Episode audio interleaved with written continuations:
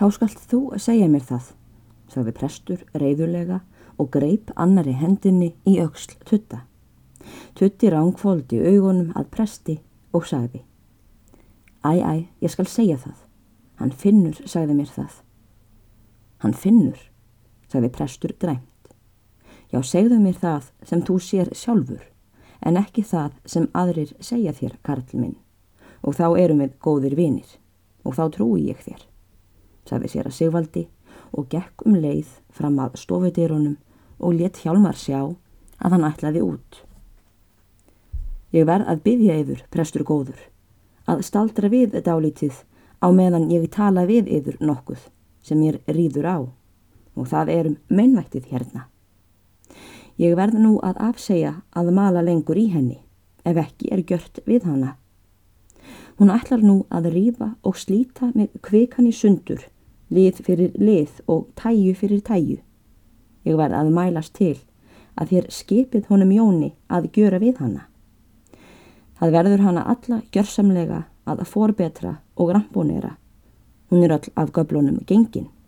Ég vil ekki að hún importi mér það að hún drepi mig.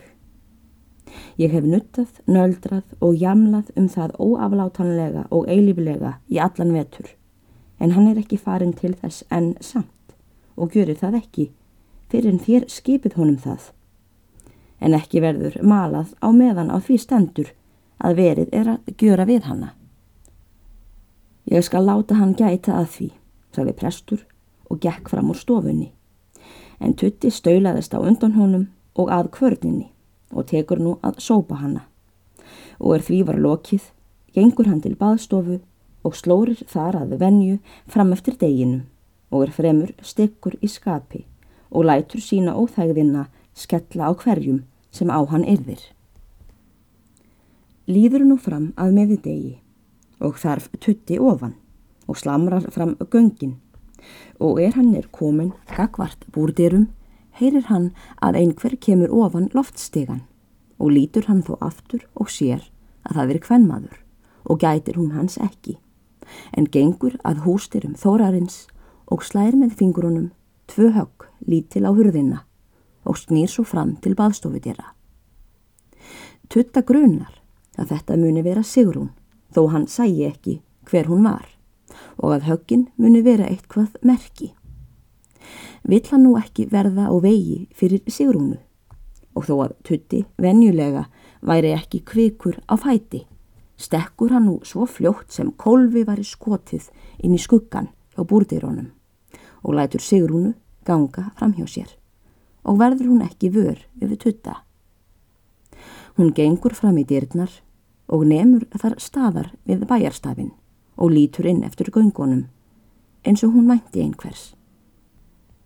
Tutti finnur að búrdirnar voru ólokaðar og fellur hörðin ólæst að stafnum. Hann tekur nú það ráð að hann smegir sér inn á milli hurðarinnar og stafsins. Þar stóð baka til við hurðina kassi einn og var reft fjölum yfir.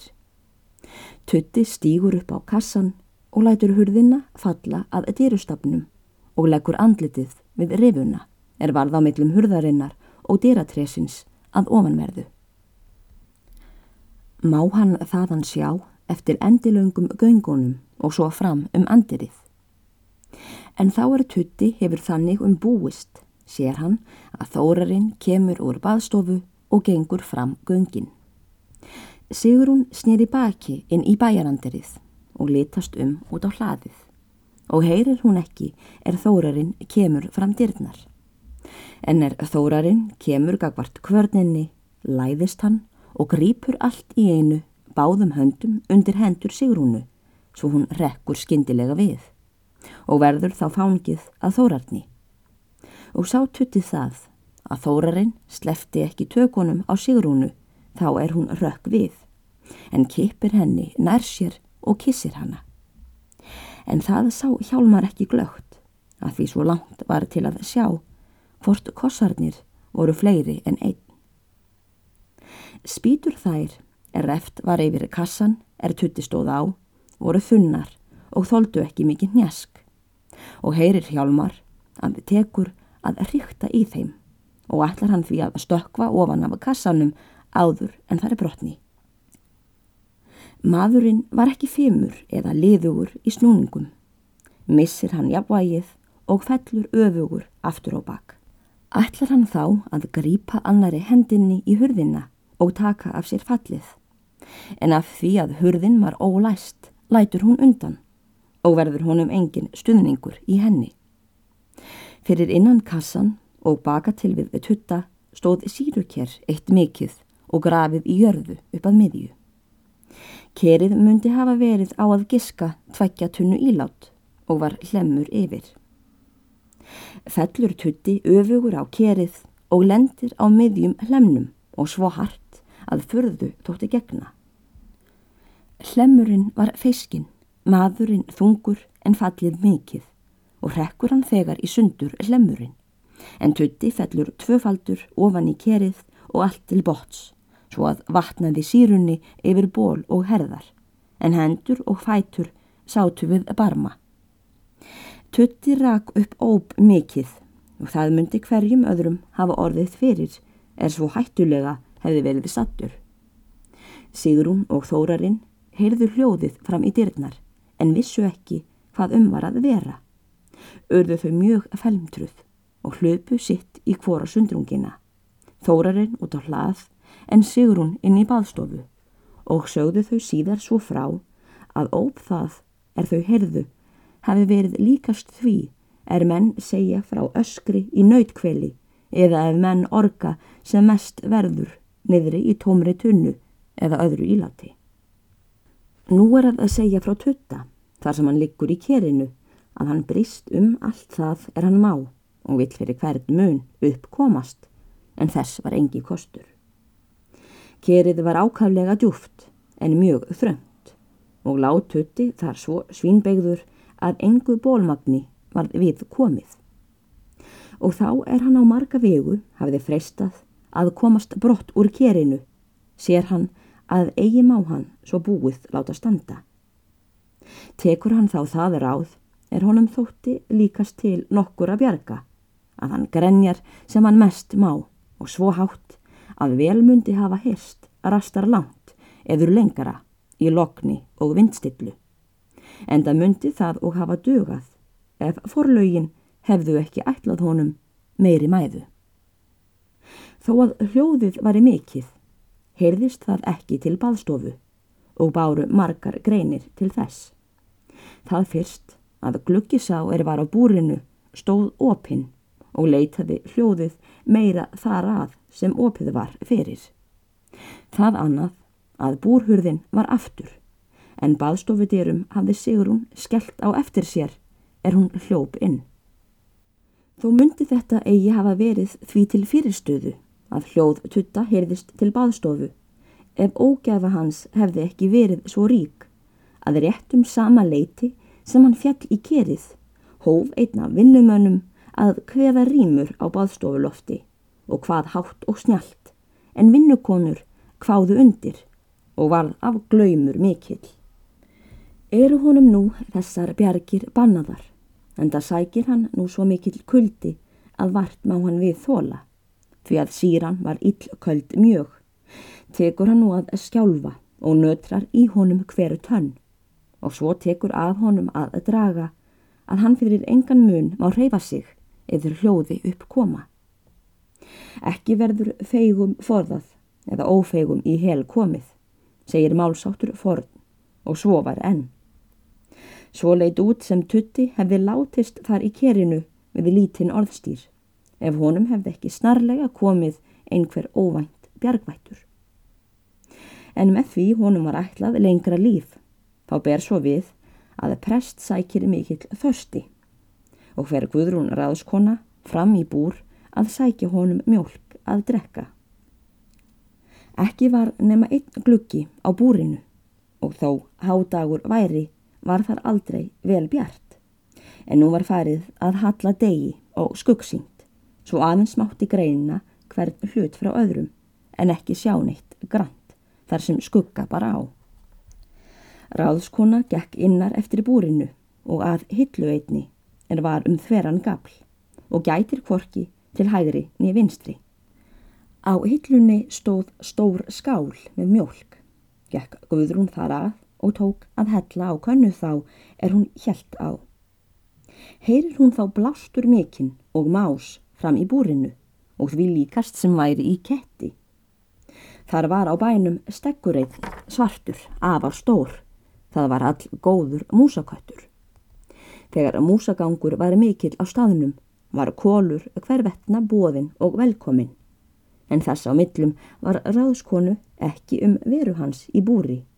Því kólur hafi þá venju að gjöra sig þar heimakominn og þótti honum sér heimilt að hafa það af mat er honum líkaði og var þá rjómatrógum ráðskonunar jafnan ófriður búin. Ráðskona hyggst nú að taka stekkin og láta hann út. Setur hún könnuna á búrhilluna og tekur að svipast eftir kól fram í búrinu þar sem hún herði blásturinn og kallar á kískis. Verður henni þá litið til kersins þar sem tutti lág og sér þar nokkur vexum merki á orðin. Glórir þá í glirnur tvær við annan sábarminn er hinum eigin rýsa upp bífur tvær og eigi litlar. Það vildi til að Guðrún ráðskona var engin heimótt eða veimiltýta. Ella myndi hún þegar hafa liðið út af í öngvit þar á golfinu. Guðrún æpur upp yfir sig og hleypur með ís og óskopum til baðstofu og fer þá svo fregn eins og eldur í sinu um allan bæin að hjálmur tuttis í fundin druknaður og döður í búrinu. Þýtur hver sem komast má og er allt í uppnámi. Þyrpast menn nú að kerinu og skiknast eftir hvort tutti sé þar lífs eða lifin og sáu menn fljótt að Hjalmar var enn ekki örendur er hann lengti augunum upp á fólkið og blés ákaflega en talaði ekki. Annað hvort af því að hann var orðin svo dasaður að hann mátti ekki mæla eður hins vegar að hann hafi hugsað að fæst orð hefðu minsta ábyrð. Ráðskona skipaði nú að draga hjálmar úr kerinu og var það með þeim hætti að tveiri vinnumenn gengu til, tók annar fætur hjálmars en annar gekk af höfðinu, greip utanum eirun og hófu hann svo upp á milli sín og fram á golf. Reyndist það þá að hjálmar forki var svo máttfarin að hann mætti ekki upprittur standa eða hann að öllu hefði mist málið. Þegar Hjálmar komur kerinu var hann heldur ófrýn.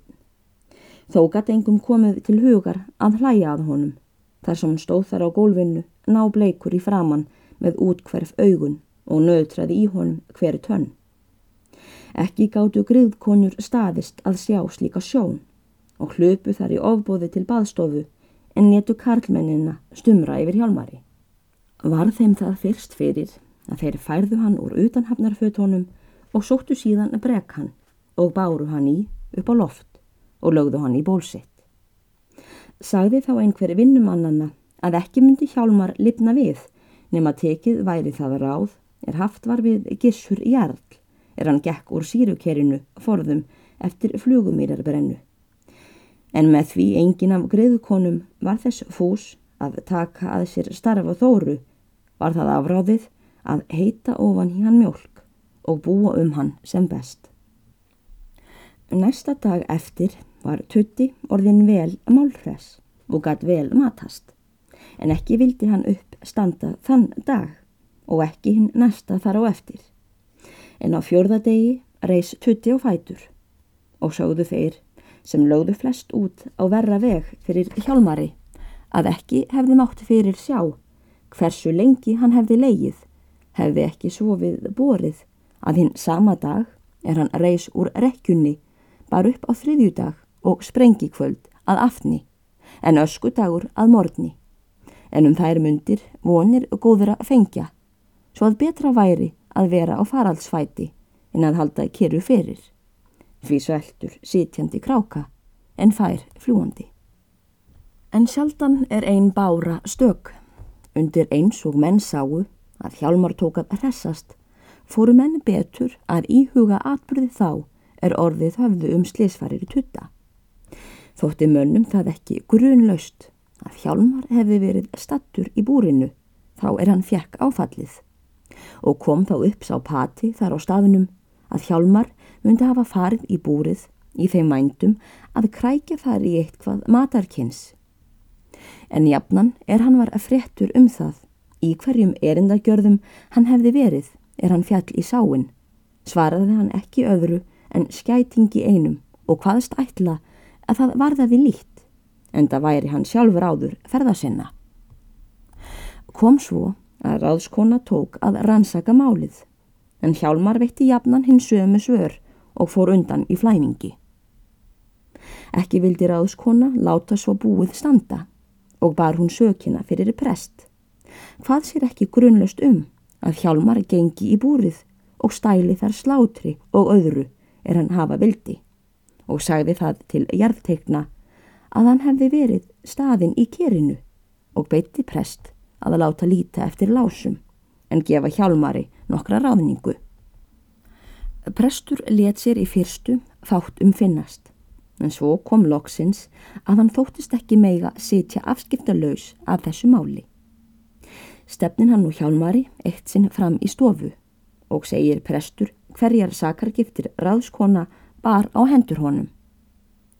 Egi vissu menn hvað þeir töluðu en það höfum mér þó fyrir satt að Tutti hafi sagt presti að hið sannasta hverjir atburðir urðu til þess að hann fjall í sáin svo og frá því hvað hann hafi séð þeim þórarni og sigrúnu fara á milli áður en honum hlæktist á.